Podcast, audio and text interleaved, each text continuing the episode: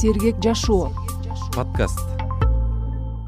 Айла жоктон бишкекте жашап атабыз десек туура болот го дейм. Кышкысын смог башталганда приступтары көбөйүп түнү менен ыкшып калды. Бир жылдын жарымы кир аба ырайынын негизинде жашашка туура келип калды. Тазалагычты саябыз дагы анан уктайбыз да. Бир чоң шаракан судун жанында жаткандай эле болдум. Ушул кыш каптай баштаганда эле маселени көтөрөбүз дагы жаз келип жай келгенде эле анын баарын унутуп калып атабыз. Баткенге көчүп кеткенинин негизги себептеринин бири деп айтсак болот бул э, бишкектеги абанын кирдиги. Ой кайсы бирин айтайын деп. Уяла тургандай эле болуп атат. Мунун баарын биз өзүбүз кылып атабыз. Саясий чечимдер эрктүү күчтүү кадамдар жасалыш керек. Биздин өкмөт деле өзүнүн милдетин аткарып кылып атат деле болуш керек. Көзүм менен көрбөгөндөн айта албайм. Сергек жашоо подкасты кыш ар жылы бишкекке ышты ээрчите келет. Mooрлордон сансыз машинелерден сызылып чыккан түтүндүн жыты кээде саңырсып баш айланат. Мындай уунун кесепети ден соолукка кандай таасир этет деп чочулайсың? Акыркы жылдары борбор калаанын айрым тургундары булганыч абадан качып өлкө аймактарына же чет өлкөгө чыгып кеткен учурлар болууда ал эми ар кандай шарттардан улам кете албай калгандар эмне кылыш керек? Мен бүгүн подкастта ушул суроого жооп издеп конокторума ыштан кантип коргоносуз деген суроону узаткым келип турат.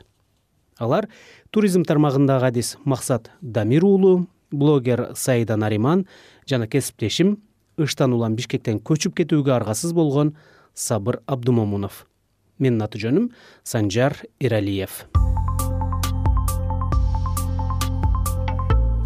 чет өлкөдө бир жылдан ашыгыраак жашап бишкекке ноябрда кайттым. Кыргызстанга жол алган учурум ыш маселеси социалдык желедеги негизги темалардын бирине айланган кезге туш келди. Праганын аэропортунда отурганымда досум бишкекке жетип учактан чыгаарың менен ыштын жыты мурдуңду жарат деп whatsappка жазган эле. Анысы манас эл аралык аэропортуна коноорум менен эле тастыкталды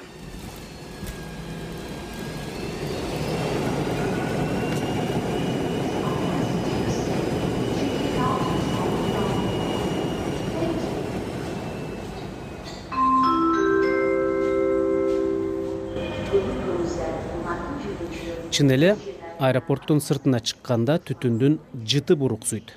Же ошол күнү аба аябай кир беле айтор мен бараткан машиненин ичине да ыш толуп калгандай сезилди ушул абадан дем алып жашап иштеп жүргөн бишкектиктерди аяп кеттим.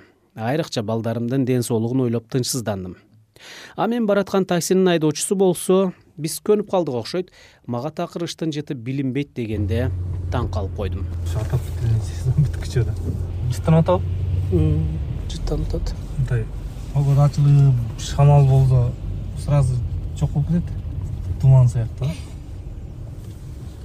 ошентип жол ката смартфондон азаттыктын сайтын ачып текст издеген жерге ыш деп жаздым. Жыйырма төрт барак макала баяндар чыкты. Эки миң үчүнчү жылдан бери жазып жүрүптүрбүз бул теманы. Айрыкча эки миң он жетинчи он сегизинчи жылдардан тарта бишкектеги кара түтүн көйгөйү чоң маселеге айланыптыр. Жол ката мессенджерден тааныштарга жазып айрымдарына телефон чалып ыштан кантип коргонуп жатасыңар деген суроону узаттым. Кээ бирлери буга таң калып дүрбөлөңчү деп менин үстүмөн күлүп да коюшту. А мен болсо оюмда ушул подкасттын сценарийин жаза баштадым. Жана бул теманы социалдык түйүндөрдө көп көтөргөн кишилерге байланышып ой бөлүшүүнү сурадым. Сергек жашоо. Подкаст айырмасын билсе болот да. Мисалы эки миң онунчу жылдарга караганда азыр ыштын деңгээли аябагандай өсүп кетти. Мисалы мурда бир жылда эки үч айда эле ушундай ыш э, сезону болсо акыркы жылдары алты ай бир жылда алты ай бир жылдын жарымы ушул э, кир аба ырайынын негизинде э, жашашка туура келип калып бул октябрь айынан баштап эле ушул тээ апрелге чейин бул менин кесиптешим сабыр абдымомунов. Он жылдай бишкекте жашап эки миң жыйырма үчүнчү жылы баткенге кичи мекенине көчүп кетти. Мен үй бүлөмдөн ушул баткенге көчүп кеткенинин э, негизги себептеринин бири деп айтсак болот бул э, бишкектеги абанын кирдиги. Бул айрыкча ушул менин э, кичинекей кызымдын ден соолугу аябагындай тынчсыздандык себеби оор металлдар жана ошол ыштын курамында майда бөлүкчөлөрдө ошол уулуу заттардын жерге жакын жүрүшү айрыкча ошол адамдарга айрыкча ошол наристелерге көбүрөөк зыяны тиет деген илимий изилдөөлөр жана ошол дарыгерлердин илимпоздордун айткандарынын бизге таасири болду окшойт маалымат каражаттарында бул маселелер көтөрүлүп келет. Бирок ушул кыш келгенде эле ушул кыш каптай баштаганда эле маселени көтөрөбүз дагы. Жаз келип жай келгенде эле анын баарын унутуп калып атабыз максат дамир уулунун айтканында чындык бар. Эгер интернеттин издөө системасына суроо салсаңыз ыш маселесин көтөргөн макалалардын дээрлик баары суук мезгилде жазылат экен. Баарында эле калаанын ыш басканы же кара түтүндүн себептери катары жылуулук станциясы сапатсыз көмүр жаңы конуштардагы мештер жана автоунаалардын көптүгү көрсөтүлөт. А ыштан ким кантип коргонуп жатат деген суроо көп учурда ачык кала берет. Биз деле баягы бала кезде айылда жашаган жашаганбыз. Анан айылда сөзсүз печка жагылчу ал кезде кыш суук болчу анан бирок анда мынчалык э, жаман жыт чыкчу эмес да. Биз наоборот жакшы көрчүк. Эшикке чыксак анан жанагы кычыраган кардын үстүнө бассаң анан ушу түтүндүн жыты келсетме сонун эле болчу да. Азыр болсо ошол түтүндүн жыты как будто бы бир уулангандай да. Мындай мурдуңа кирсе мурдуң ичи ачышып жүрөгүң айланып кускуң келип кыйналып кетесиң да.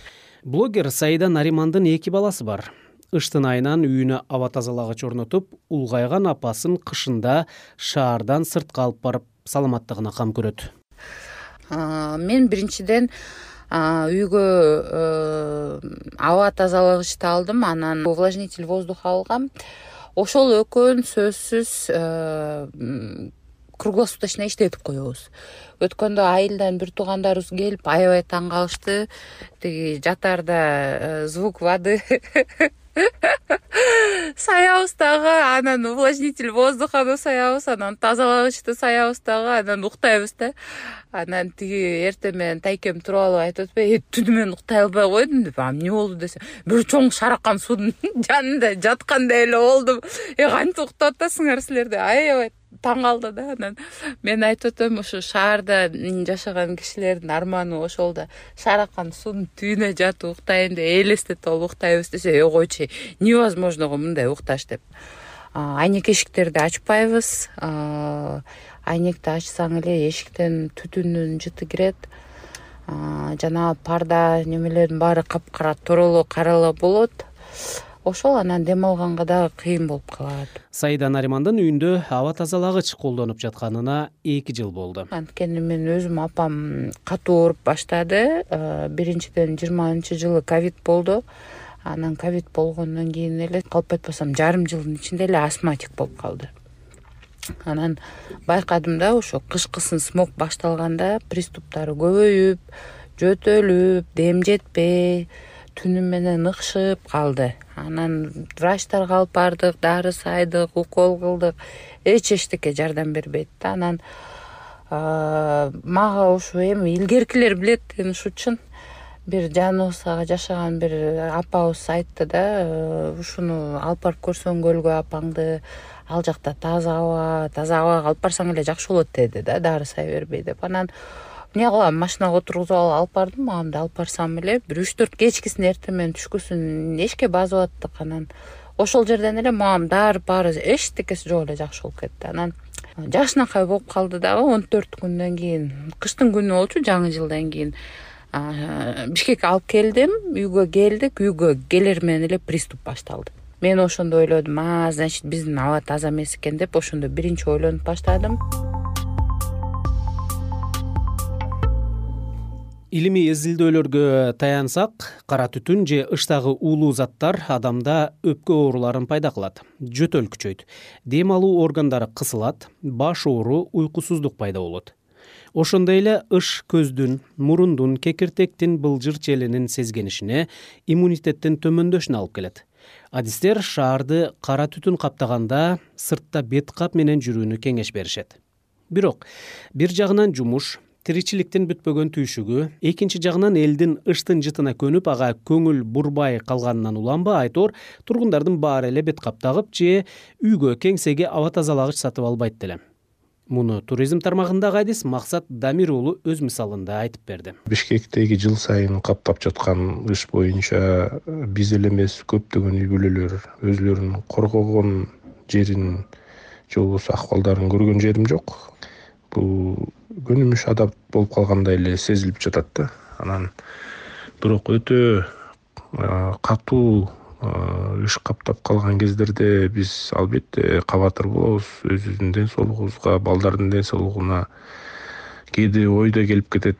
Балким ысык көл жака кетип калсакпы деген бирок албетте бул бишкекте иштеп аткан ишибиз балдардын окуп аткан окуусу кармап атат айла жоктон бишкекте жашап атабыз десек дагы туура болот го дейм.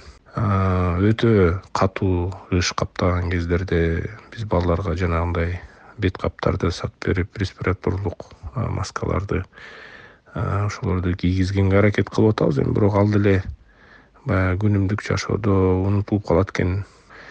Ошондуктан күндү аны тагынып жүрүш дагы өзү ыңгайсыз болуп калат экен да. Үйгө жанагындай абаны тазарта турчу же болбосо нымдата турчу оборудованияларды коюп алганбыз бирок ал деле канчалык деңгээлде сактайт экенин эч ким так жообун бере албайт да.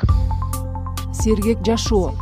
Подкаст бишкек абасы кир шаарлардын сап башына чыкты деген маалыматтарга да көнүп калгандайбыз.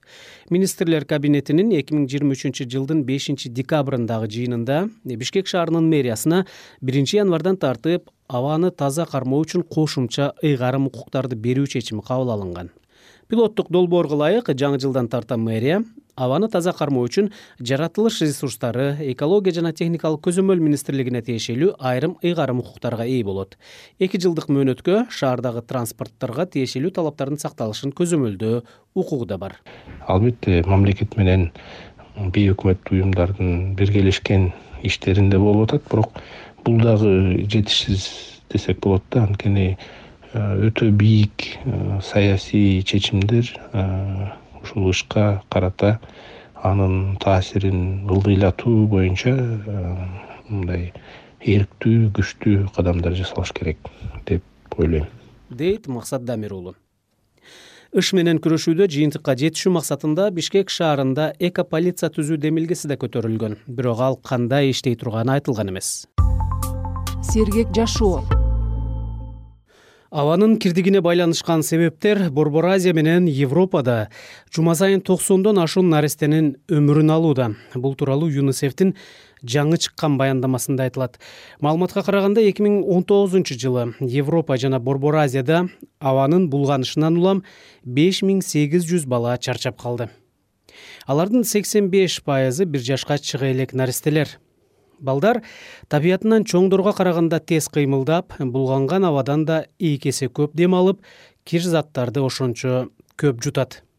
Юнисеф мындан ары абанын булганышынын алдын алуу үчүн энергия алуунун экологиялык жактан таза натыйжалуу жолдорун колдонууга өтүүнү тездетүүгө чакырууда уюм ошондой эле балдар булганган абадан жабыркап калбашы үчүн мектептерге жана бала бакчаларга жакын жерлерде абанын тазалыгын текшерген мониторинг системаларын түзүүнү коомчулукка маалымат берүүнү сунуштаган. Кыргызстандын министрлер кабинетинин төрагасы акылбек жапаров үчүнчү ноябрда бириккен улуттар уюмунун кыргызстандагы туруктуу өкүлү антия граве менен жолукканда ыш маселесин талкуулаганы расмий кабарланган анын алдында бишкектин мурдагы мэри эмилбек абдыкадыров эки миң жыйырма төртүнчү жыйырма бешинчи жылдар аралыгында шаар толугу менен газга өтөөрүн билдирип бул ыш көйгөйүн чечүүнүн бир жолу экенин айткан. Сергек жашоо. Подкаст. Блогер саида нариман суук түшкөндө бишкекке чет элден дос тааныштары келсе уялат ой кайсы бирин айтайын деп кой. Уяла тургандай эле болуп атат. Анткени мунун баарын биз өзүбүз кылып атабыз. Өзүбүздүн табиятыбызды өзүбүздүн экологиябызды өзүбүздүн жашаган жерибизди өзүбүз талкалап атабыз. Пока биз өзүбүз кыргыз элибиз өзүбүзгө мындай кандай аяр мамиле кылып биздин табиятыбызга аяр мамиле кылып айлана чөйрөбүзгө аяр мамиле кылсак анан ушул биздин балдарыбызга жакшы нерсени таза сууду таза жерди таза абаны калтырсак деп баарыбыз умтулсак ошондо оңолобуз деп ойлойм. Ага чейин эми эле жок уялабыз. Жана үйүңө конок келсе бир жериң бардак болсо уяласың го биздин өкмөт деле өзүнүн билбейм милдетин аткарып кылып атат деле болуш керек. Балким биз көрбөй атабызбы кылып атканын же сезбей атабызбы. Тэц деле модернизация болду модернизация болгондон кийин билбейм тазарганын байкаган деле жокпуз биз балким болуп атат. Аны айта албайм. Өзүм көзүм менен көрбөгөндөн айта албайм. Министрлер кабинетинин төрагасы акылбек жапаров үчүнчү ноябрда бириккен улуттар уюмунун кыргызстандагы туруктуу өкүлү антия граве менен жолукканда ыш маселесин талкуулаганы расмий кабарланган. Анын алдында бишкектин ошол кездеги мэри эмилбек абдыкадыров эки миң жыйырма төртүнчү жыйырма бешинчи жылдардын аралыгында шаар толугу менен газга өтөөрүн билдирип бул ыш көйгөйүн чечүүнүн бир жолу экенин айткан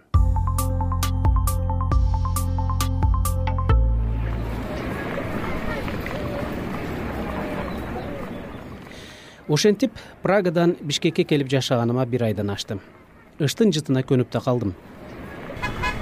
Ыш тууралуу маалыматтарды окуганда эле чочулабасам түтүндүн көңүл айланткан жытын этибарга да албай баратам. Ууну тынбай жутуп бара бара ага маани бербей бирок кийин кесепети оор болоорун деле билебиз. Бир чети ыш дүйнөлүк маселеге айланып айрым мамлекеттер өкмөттөр аны чечүүгө ыкчам кадамдарды жасабаса арга канча кара түтүн адамзатка табиятты жер планетасын кечиктирбей сактап калууга чакырык болуп жаткансыйт бул азаттыктын сергек жашоо подкасты болду. Аны мен санжар эралиев даярдадым. Оорубаңыз сергек жашоо. Сергек жашоо. Ден соолук улуттук саламаттык интернетте эң көп окулган темалардын сап башында баарыбызды медицинадагы илимий ачылыштар дарылоонун жаңы ыкмалары канткенде оору сыркоону алдын алып жашоонун сапатын жакшырта алабыз деген маселе ойлондурат. Дал ушул темаларды азаттыктын сергек жашоо подкастынан уга аласыз. Подкастты apple google spotify аянтчаларынан жана азаттык чекит орг сайтынан табасыз. Сергек жашоо